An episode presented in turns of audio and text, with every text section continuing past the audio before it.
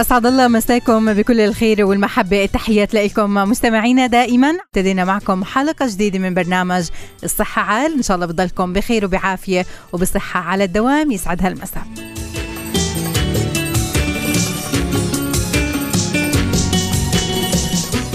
حلقتنا لليوم تحمل لكم مواضيع كثيرة رح نناقشها على الهواء ومع المختصين لحتى تاخذوا النصائح وتتعرفوا على مجموعة من الأمراض والأعراض اللي بتظهر عنا لحتى نعالجها بالطرق الصحيحة ونتوجه للأطباء المختصين في الوقت المناسب.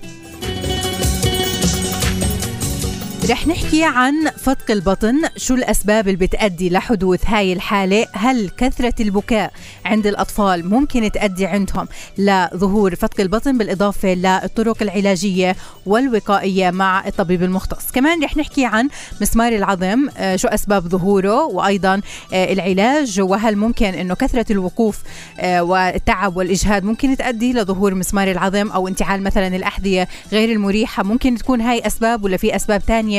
ممكن أن نتعرف عليها من المختصين. رح نحكي كمان عن أسباب تآكل أسنان الأطفال وفوائد أوميجا 3 لجسم الإنسان وكيفية الحصول عليها. كل هاي المواضيع رح نتعرف عليها مع المختصين وعلى الهواء مباشرة.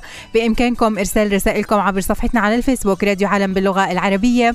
وحلقة جديدة من برنامج الصحة عال. حي الله فيكم.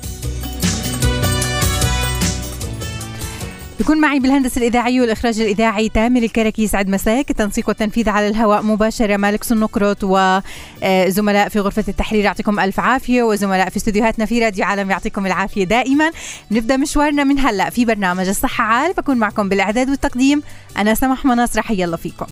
أوقاتكم خير دائما مستمعينا حي الله فيكم جميعا. نسمع كثير بأنه الطفل الصغير بضل يعيط وممكن يكون جوعان أو بده يغير الفوطة بس لازم إنه الأم تعرف إنه في أسباب تانية بتؤدي لبكاء الطفل. فممكن إنه يكون في كشف عن منطقة البطن عند الأطفال. تلاحظ الأم إنه في انتفاخ بهاي المنطقة. تعتقد بإنه هذا عائد لإنه شرب كثير حليب اليوم أو إنه شي قرصه أو هيك. فاليوم بدنا نعرف أكثر عن آه، ما يطلق عليه فتق البطن عند الأطفال أو حتى عند الأكبر منهم. شو الأسباب اللي بتأدي لهاي الحالة؟ شو هي أصلا بالتحديد؟ شو الخطورة منها؟ والطرق العلاجية والوقائية. هذا الموضوع اللي رح نتعرف عليه اليوم أكثر مع الدكتور شريف الطردي أخصائي الجراحة العامة. أهلا وسهلا فيك دكتور يسعد مساك. أهلا وسهلا فيك أخت سماح. أهلا وسهلا بجميع المستمعين. أهلا وسهلا بحضرتك. دكتور اليوم بدنا نعرف منك أكثر عن فتق البطن شو يعني فتق البطن شو اللي بيصير؟ موضوع الفتق هو موضوع آه، كبير جدا في الجراحة بشكل عام وهو موضوع منتشر في المجتمعات آه، بشكل خاص عند كثير من العائلات عند الأطفال وعند الكبار في السن وغيرهم. الفتق بحد ذاته كمعنى هو عبارة عن انتفاخ موجود في منطقة معينة من جسم الإنسان وخاصة المناطق التي تكون بين الفخذين و آه، آه، الصدر يعني منطقة البطن وما هي وما أسفل ذلك. الفتق هو يعني عبارة عن نتوء معين يلاحظه الأهل أو يلاحظه المريض آه، بذاته. النتوء موجود دائما تحت الجلد في منطقة البطن أو الفخذ كما ذكرت. وهذا النتوء من الممكن أن يختفي عند الاستلقاء وهذا آه، النتوء ممكن يختفي عند الاستلقاء. آه، هذا الفتق من الممكن أن يكون أثناء الولادة بسبب عدم التئام الكيس المسؤول عن تنزيل الخصيتين عند الأطفال بما أنك ذكرت موضوع الأطفال. تمام. آه الفرق عند الصغار هو يكون عدم التئام الكيس ولكن عند الكبار يحدث بسبب زيادة ضغط من داخل البطن على م. منطقة من العضلات تكون أضعف أو أكثر وهنا في نسيجها من غيرها وهذه آه وهذه الأنواع آه من الفتق أنواع متعددة نذكر منها مثلا الفتق الإربي وهو آه الفتق الموجود أعلى الفخذ هناك الفتق الفخذي بحد ذات آه، بحد ذاته الفتق الفخذي هناك الفتق السري وهو الموجود حول السرة وهناك أنواع أخرى مثل م. فتق المعدة طيب بيكون في علاقة ممكن آه دكتور ل يعني الأسباب الوراثية بهذا الموضوع يعني ممكن إنه آه، الإخوة يصير عندهم نفس الحالة أو حتى الآباء حدث معهم هذا الموضوع ممكن إنه يحدث مع الأبناء ولا لا؟ يعني آه، هناك صلة وراثية في جميع الأمراض بشكل عام أما م. بالنسبة للفتق هناك علاقة واضحة لأن آه، منطقة هذه المنطقة عند الأطفال عدم التئامها ممكن أن تلاحظيه عند طفل أو طفلين أو ثلاث أطفال في نفس العائلة فمن الممكن أن تكون هناك الصلة بعدم التئام هذا الكيس وهذا ليس بالضرورة عند الجميع يعني.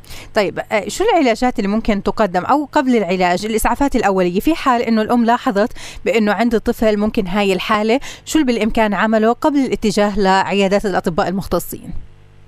يعني نحن نواجه مشكلة في موضوع آه، تعامل الأهل مع هذه الأشياء. م.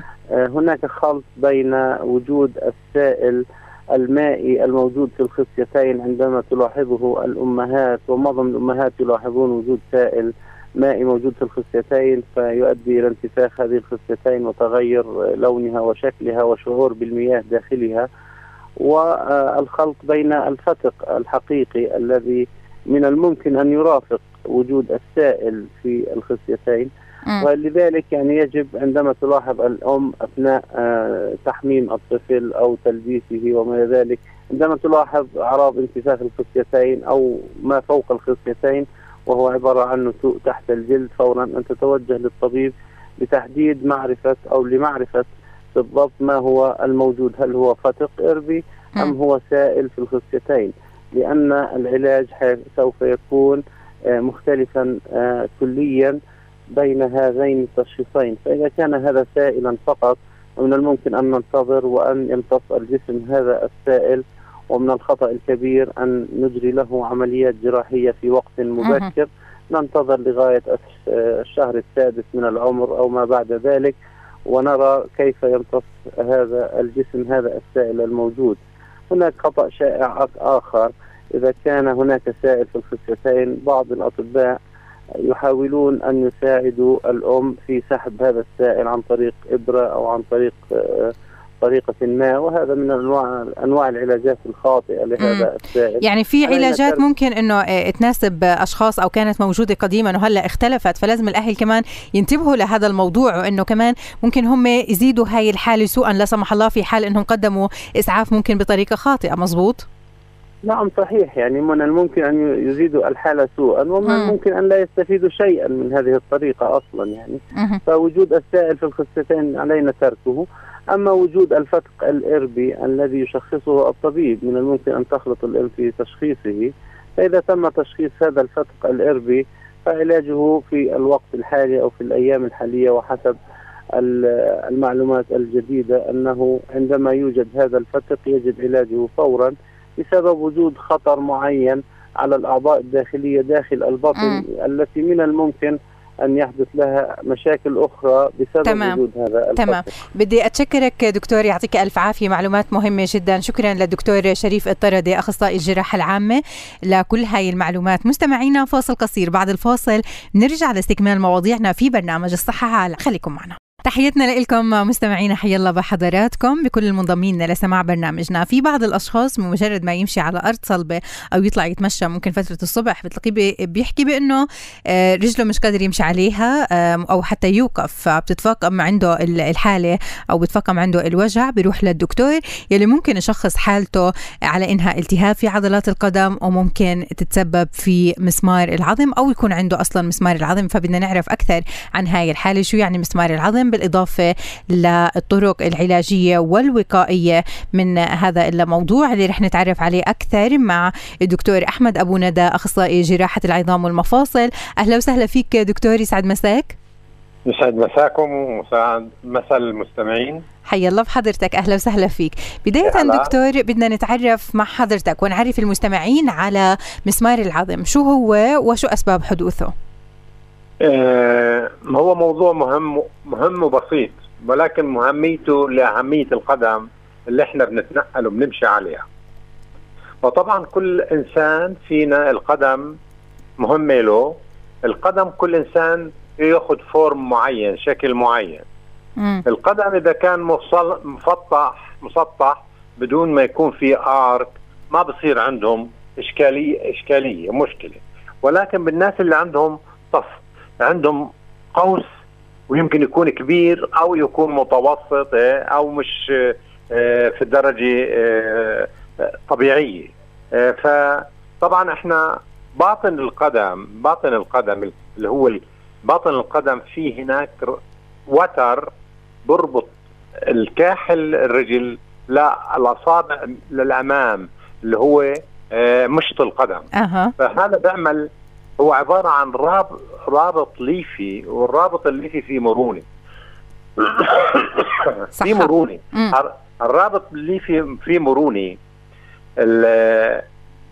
شو اللي بيحصل بالضبط؟ آه شو بصير؟ إنه مع العمر للناس وتقدم عمره ووزنه وشغله بصير إذا كان شكل الكاحل في في آه، وضع يضعف هذا الوتر إنه ما يقوم بواجبه واستهلاكه واستعماله بشكل آه كثير إن كان مشي كثير أو وقف كثير أو وزن ثقيل أو وزن ثقيل فبس بلتهب هذا الوتر.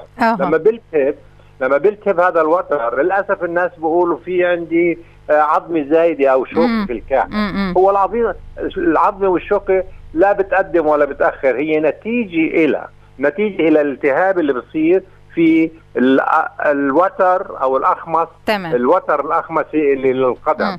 هلا التأثير بيكون دكتور فقط على منطقة القدم أو ممكن التأثيرات تنتقل بما إننا بنحكي عن العظم بالتحديد؟ نعم.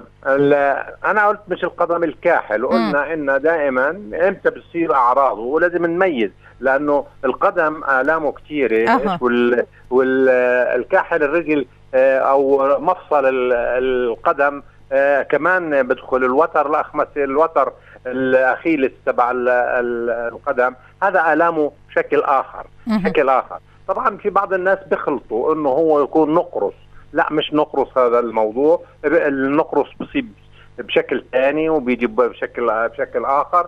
بعض الناس بيقولوا فيتامين نقص فيتامين د كمان فيتامين د آه أعراضه مش بهذا الشكل. بس الناس اللي هي الصبحيات بتقوم من النوم بتمشي حافية هيك بتدعس خطوتين بتحس وجع شديد في أسفل الكاحل تبع الرجل أه. هذا هو التهاب اللي هو الوتر الأخمسي للقدم تمام. طبعا هو مش هالشيء كبير آه يعني بس إنه يعني بيكون مؤلم في بعض الأحيان نعم. فإحنا نعم. هون بدنا نتعرف على الطرق العلاجية دكتور نقول العلاج طبعا كانوا كثير ناس إيش اللي بيستعملوا كورتيزون إبرة كورتيزون في الكاحل إيه أو آه، ابر آه، زيت آه، للكاحل أو بلازما للكاحل كلها هي طرق للعلاج وطبعا ابره واحدة أو إبرتين وبقول لك برجع إبرة الكورتيزون وبقول لك بتضر وبتسوي سكر وبتسوي ضغط وبتسوي. إبرة ابرتين ما بتعملش هذا الشيء. ولكن اليوم في أحدث من هذا الموضوع.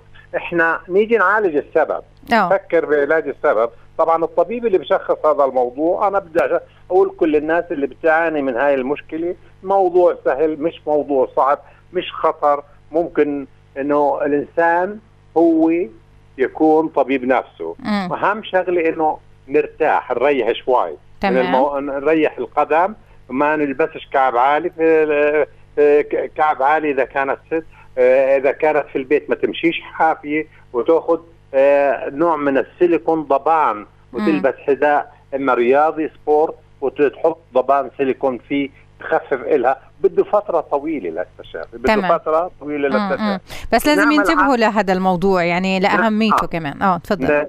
نعمل شغلة ثانية إنه هو كيف إحنا بعد ما نريح هذا الوتر هذا آه، بشكل أو بآخر إن كان أخذنا آه، زجاجة ثلج ومشينا القدم عليها. مشينا القدم عليها من الأمام للخلف وطبعا التبريد هذا بيسوي بخفف الالتهاب تبع الوتر وبيعمل مع الزمن تشافي تمام. للوتر. تمام. أما المسمار العضل اللي بيقولوا عنه مسمار عضل هو مش السبب ولكن. هو نتيجة. تمام. بدي أتشكرك دكتور يعطيك ألف عافية. دكتور أحمد أبو ندى أخصائي جراحة العظام والمفاصل شكرا جزيلا لحضرتك. بكم معنا. متابعينا رح نحكي أكثر عن تآكل الأسنان عند الأطفال. شو أبرز الأسباب اللي بتأدي لحدوث هاي الحالة؟ المخاطر منها وأساليب الوقاية. كونوا معنا لتكونوا بخير وبعافية. إن شاء الله في الصحة عال. نحكي هلا بموضوع آخر عن أسباب تآكل الأسنان عند الطفل، شو اللي بيؤدي لهي الحالة، شو المقصود فيها بالإضافة للطرق الوقائية والعلاجية؟ بنضم لنا الدكتور نائل حلايقة أخصائي طب وجراحة الفم والأسنان، زراعة تخصص آه، زراعة الفورية، أهلا وسهلا فيك دكتور يسعد مساك. مساء الخير مستمعين الكرام مساء الخير أختنا حياكم الله. أهلا وسهلا بحضرتك. دكتور بداية شو يعني تآكل الأسنان؟ شو اللي بيصير؟ وشو الأسباب اللي بتؤدي لحدوث هاي الحالة؟ طبعا تآكل الأسنان عند الأطفال أو عند الكبار. إحنا اليوم تخصصنا حيكون للأطفال أو كلامنا يكون عن الأطفال. تمام. فهو تآكل في آه، طبقة المينا وهي طبقة نعرف إنها صلبه جدا ولكن تتآكل بفعل آه، ترسب يعني في الأصل ترسب آه، الطعام وتحوله إلى حامض مما يسبب هذا الحامض لتآكل طبقة المينا مما يؤدي إلى يعني إتلاف في هذه الطبقة الصلبه والجميلة الموجودة في السن. طبعا اسبابها كثيرة جدا وتعود بالأصل آه، إلى عدم آه، اهتمام بنظافة الفم أو نظافة الأسنان عند الأطفال أو آه، إذا كانت هي مبكرة جدا قبل أخذ الطعام يكون بأخذ من الرضاعة الغير طبيعية. بمعنى إنه الحليب الصناعي الذي يرضع لهذا الطفل يترسب أو يتراكم تحت الشفة في أغلب الأحيان وخصوصا في الشفة العلوية يتحول هذا آه، الحليب إلى حامض مما آه، يسبب إلى تآكل طبقة المينا عند الأطفال. آه لهيك ممكن يعني إنه حتى الأطفال قبل ظهور الأسنان عندهم لازم يكون في تنظيف ل يعني الفم بشكل دائم خصوصا بالرضاعة الصناعية صح؟ نعم صحيح يعني قبل بزوغ الأسنان ممكن انه يكون آه، بإعطاء الطفل الماء يكفي م. أما عند بزوغ الأسنان فهناك أكثر من طريقة، الطريقة هي الأفضل هناك يباع في الصيدليات آه، عبارة عن قطعة من الفلين أو من البلاستيكيه المطاط آه، تكون آه، ذات أهداب صغيرة أو لينة ينظف فيها الأسنان واعطاء بعدها الماء العادي لأنه الطفل ما بيعرف يتمضمض مع إنه الأهل يعني بالغالب دكتور إنه شو اللي بصير؟ إنه بمجرد ما تظهر الأسنان ممكن يفكروا بشراء معجون وأسنان معجون أسنان وفرشايه أسنان لأطفالهم لكن قبل ظهور الأسنان إنه شو بدهم يفرشوا؟ فهذا يعني ممكن كثير يكون الموضوع غريب بالنسبة لبعض الأهالي إنه قبل ظهور الأسنان نشتري لهم فرشايه ومعجون؟ لا لا هي بعد بزوغ الأسنان يكون التنظيف وهناك فراشي خاصة للأطفال حسب العمر. م. آه، تكون هي يعني ناعمة جدا لأهداب الفرشاة والمعجون يكون خاص يكون خالي من الفلورايد لأن نسبة الفلورايد إذا كانت عالية كما هو في آه، معجون الأسنان للكبار آه، هو ضار وسام في نفس اللحظة فعشان هيك ممنوع نعطيه للأطفال. فكل عمر له معجون خاص. أها. طب دكتور هون يعني بنحكي عن تآكل الأسنان كيف بصير شكل السن؟ هو يعني تحول السن في أول مرحلة البياض ومن ثم يتحول إلى الصفار يتحول هذا الصفار إلى البني ومن البني إلى السواد. فتكون هذه المرحلة آه، مرحلة متعمقة لانها هي آه، تتآكل طبقة المينا آه، مما يسبب يعني تلفان في الطبقات الأخرى الموجودة في السن ويكون أه. على اللون البني ثم الأسود الداكن. أه. وممكن يضرب العصب عندنا. إذا ضرب العصب يسبب آلام عند الطفل عدة أيام ممكن الأهل ما يعرفوا شو السبب. لأنه الطفل ما بيعرف إنه يحكي لهم والله في عندي وجع هون أو فيضرب العصب مما يسبب إلى تلفان في داخل العصب ويسبب كيس من الالتهاب. أو كيس مدة بنسميه ممكن انتفاخ في الشفه أو تمام. في الوجه للطفل. هلا إحنا بنحكي عن الأسنان اللبنية يعني ممكن يصير تأكل فيها الأهل يركنوا بإنه آه، ما هو الطفل رح يغير أو يبدل أسنانه فمش مشكلة هاي الأسنان ما هي بدها تروح ويظهر آه، بدالها. في حال إنه صار في تأكل بالسن بالأسنان اللبنية شو أهمية متابعة الموضوع؟ لإنه ممكن يحدث خلل حتى في الأسنان الدائمة. للأسف الشديد يعني الأهل بيتابعوا آه، طفلهم بس عندما يتالم أغلب الأحيان بيأتونا في مرحلة متأخرة يكون هناك العصب متآكل أو اللب السني متآكل ومتعفن للأسف الشديد ومكون آه، تحته أكياس. فلذلك يعني يكون الوضع متأخر آه، في أغلب الأحيان قلنا اخلع دكتور هذا الطاحونه وخلاص انتهى الموضوع. مم. أما بالأصل وبالأجدر إنه الإنسان كل ثلاث شهور أو أو ست شهور بالكثير يتابع هذا الطفل فالطبيب ممكن يضع حشوات للأطفال خاصة للاطفال ويكون السن بالوضع الطبيعي. هلا في بعض الأطفال اللي في عندهم تآكل كثير ممكن نحط لهم آه، غطاء خاص من المعدن يفصل تفصيل في المعمل وتوضع يعني خصوصا على الطواحين. لأن إذا إحنا خلعنا هذه الطاحونة أو هذا الضرس في سن مبكر فيسبب آه يعني في المستقبل إنه الطفل ممكن تسبب له مشاكل كثيرة. هي إحدى المشاكل إنه يلزم تقويم. المشكلة الأخرى إنه الضرس الدائم ما يعني ما يستطيع يخرج في المكان المناسب. فهذه مشاكل كبيرة جدا نعتبرها من أخطر المشاكل عند الأطفال. إذا اهتمينا بصحة أسنان الطفل عسوسة بسيطة من أول العمر راح تكمل وتغير في العمر المناسب. تغيير الأسنان ببلش من خمس سنوات ونص لحديت 12 13 سنة هو في تغيير الأسنان الدائمة. فيجب أن يكون في مراجعة دورية عند الأطفال حتى آه نأخذ آه يعني صحة جيدة لهذا الطفل. تمام. طيب هلأ في حال أنه تآكلت الأسنان عند الطفل في مرحلة الطفولة تم علاجها بالوقت المناسب ومتابعة هاي الحالة هل ممكن يكون عرضة لتآكل الأسنان كمان في المستقبل؟ يعني بعد ما يوصل عمر الشباب؟ طبعا هو أسباب كثيرة. إحنا حكينا عن سبب إنه من سبب أو من أسباب التآكل هو التسوس ولكن م. في أسباب أخرى وكثيرة جدا. منها هي صرير الليلي اللي هو الطفل يسرق على أسنانه وهي هذه ممكن تكون عادة سيئة وممكن تكون من العقل الباطني. عند النوم إنه يسرق على أسنانه فيكون هناك تآكل. طبعا في حلول كثيرة يعني حل بسيط جدا ممكن نعمله اللي هو الحارس الليلي. عبارة عن جلدة تفصل لهذا الطفل وتوضع فوق الأسنان ولا يكون هناك أي صدير أو أي سرقه على الأسنان ثم نحافظ على طبقة المين ولا يكون هناك أي تآكل. بالنسبة لأنه نحمي هذا الطفل من التسوس طبعا إذا وضعنا إحنا إذا وضعنا آه، الحشوة المناسبة والجهاز المناسب أو التلبيسه المناسبه لهذا الطفل فلا يكون هناك أي تآكل نهائيا. بالنسبة للموضوع الآخر اللي بتسالي عنه إنه آه، آه، بيرجع التآكل مره جديده آه. في المستقبل يعني ما بيرجع إذا فيش عندنا صرير ليلي إذا فيش عندنا تسوس ما في تآكل لا. ان يتآكل لحال السن هيك عوامل طبيعية آه، تكون تاكل بسيط جدا وغير ظاهر ويعني مثل أسناننا طبيعية ما في أي مشكلة بقى. تمام. شكرا لحضرتك دكتور. يعطيك ألف عافية دكتور نائل حلايقة أخصائي طب وجراحة الفم والأسنان. آه، شكرا جزيلا لكل هاي المعلومات. مستمعينا فاصل قصير وراجعين. خليكم معنا عبر عالم FM. مستمعينا رح نحكي عن الاوميجا 3 فوائد كثيرة للشعر للجسم للبشرة.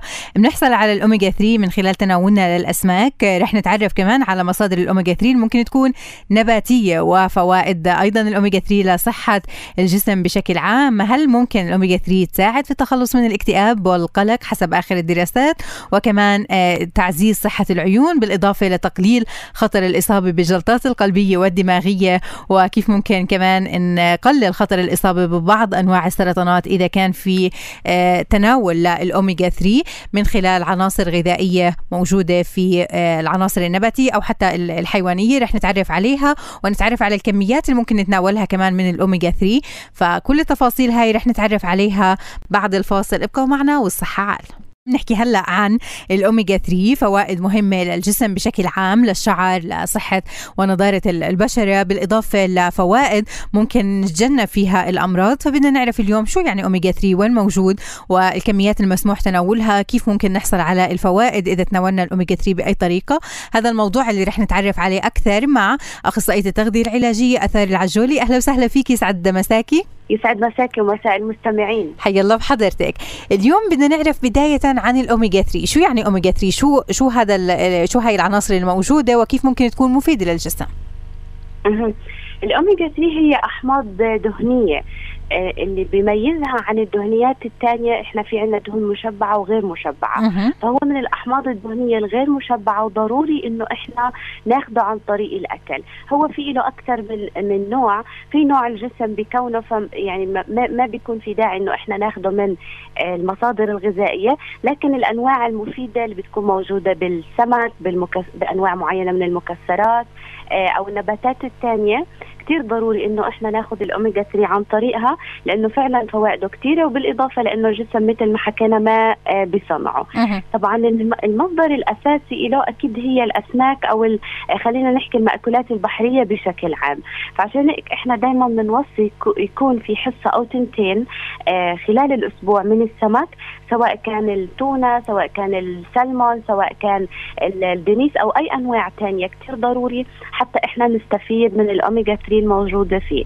طبعا بدهم يكونوا عارفين إنه السمك مش مثل الدجاج ممكن نعمله إنه إحنا نقيم الجلدة عشان ما ناخذ دهون. أوه. السمك بتكون فايدته لما القشرة تبعته بتكون عليه لأنه الاوميجا 3 بتكون متركزة في القشرة عند السمك. أه. فضروري كثير إذا إحنا بدنا تكون وجبة السمك موجودة مش غلط ابدا إنه إحنا ناخذ القشرة تبعتها.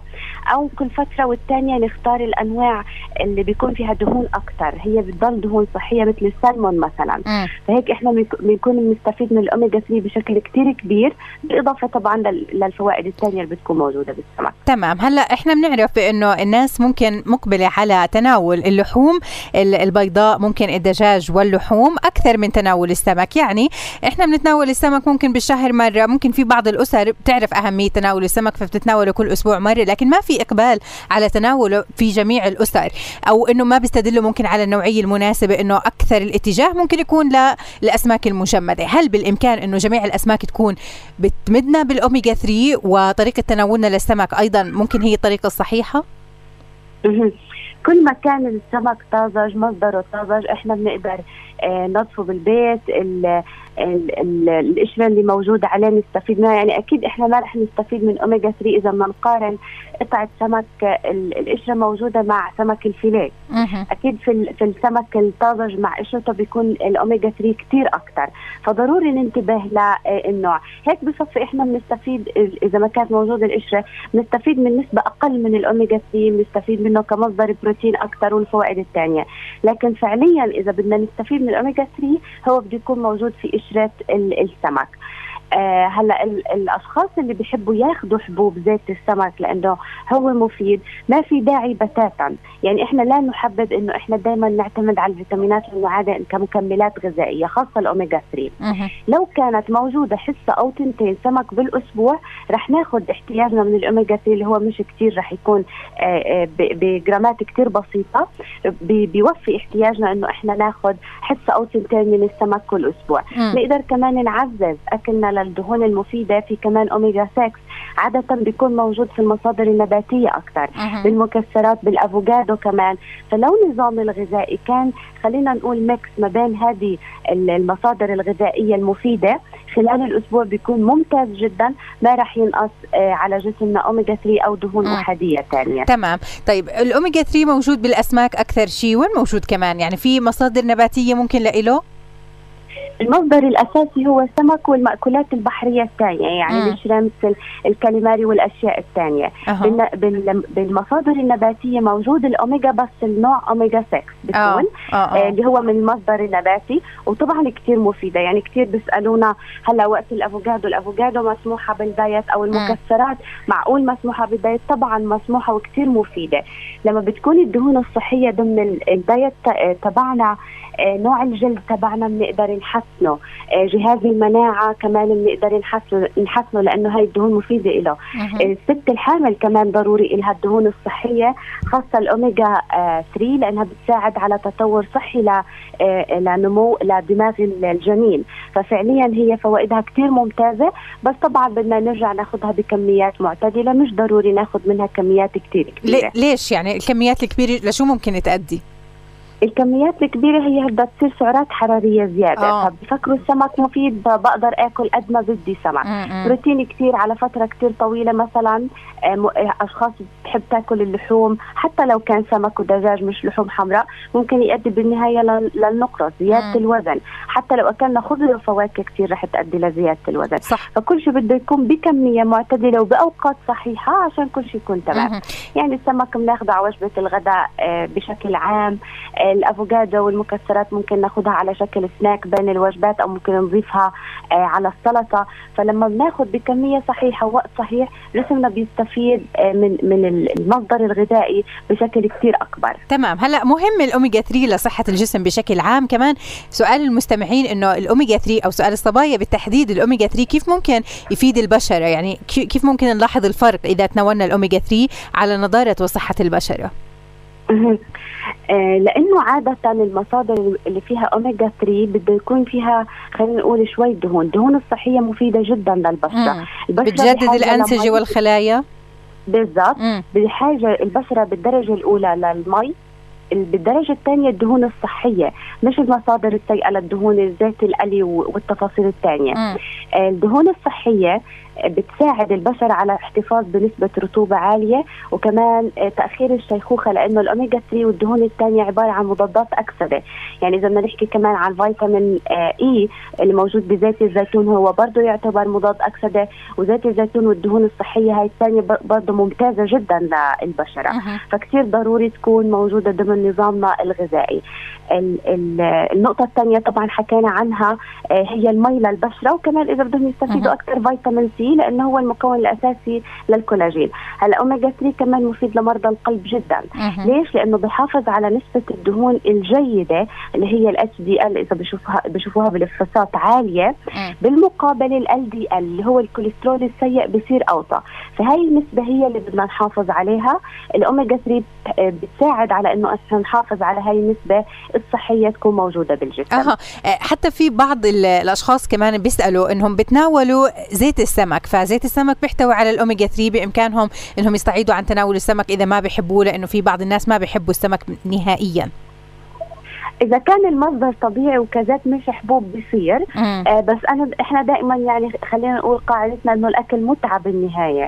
فاذكى آه، لو لو يعود حاله على وجود حصص السمك خلال الأسبوع أفضل بكثير من زيت السمك لحاله أو من حتى من آه حبوب زيت السمك. أها. لأنه في ناس فعلا ما بيطيقوا حتى السمك وما بيطيقوا ريحته لكن لو يتعودوا على هذا الموضوع أو يكون تدريجي بالإمكان إنه آه، يرجعوا يحبوا السمك لأنه في بعض الأشخاص فعلا فوائد كثيرة بتفقدها أجسامهم لأنهم ما بحبوا صنف غذائي معين.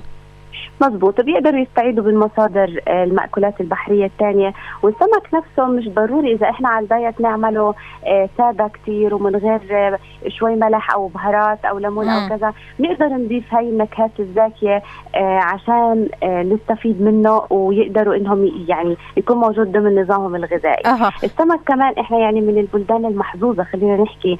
اللي diet نا يسمى diet البلدان الشرق الأوسط اللي sorry ال diet بلدان حوض البحر الأبيض المتوسط. اللي بيميزها إنه إحنا بنعتمد على الأسماك وعلى الدواجن أو اللحوم البيضاء أكثر من اللحوم الثانية وهو فعليا هو هذا ال diet اللي عم بدرسوه أو بتبعوه في بلاد برا على أساس إنهم يحموا حالهم من أمراض كثيره أهمها صح. أمراض القلب. لأنه عندنا بصير في اتباع ل diet بصير في حرمان من عناصر غذائية كثيرة. إنه أنا بدي أعمل diet معناته ما بدي أتناول كربوهيدرات معناته ما بدي أتناول بروتين ولا حتى دهون مع إنه كلها مفيدة لصحة الجسم بس إحنا بدنا نتناولها بكميات إذا كنا بدنا ننقص الوزن. بالضبط. ممنوع بتاتا نمشي على دايت حرمان. أصلا الناس اللي بتسمعنا وعملت رجيمات غلط مم. أكيد لاحظت. صح. كيف شحوب بالبشره سوداد حوالين العيون ترهل الجلد.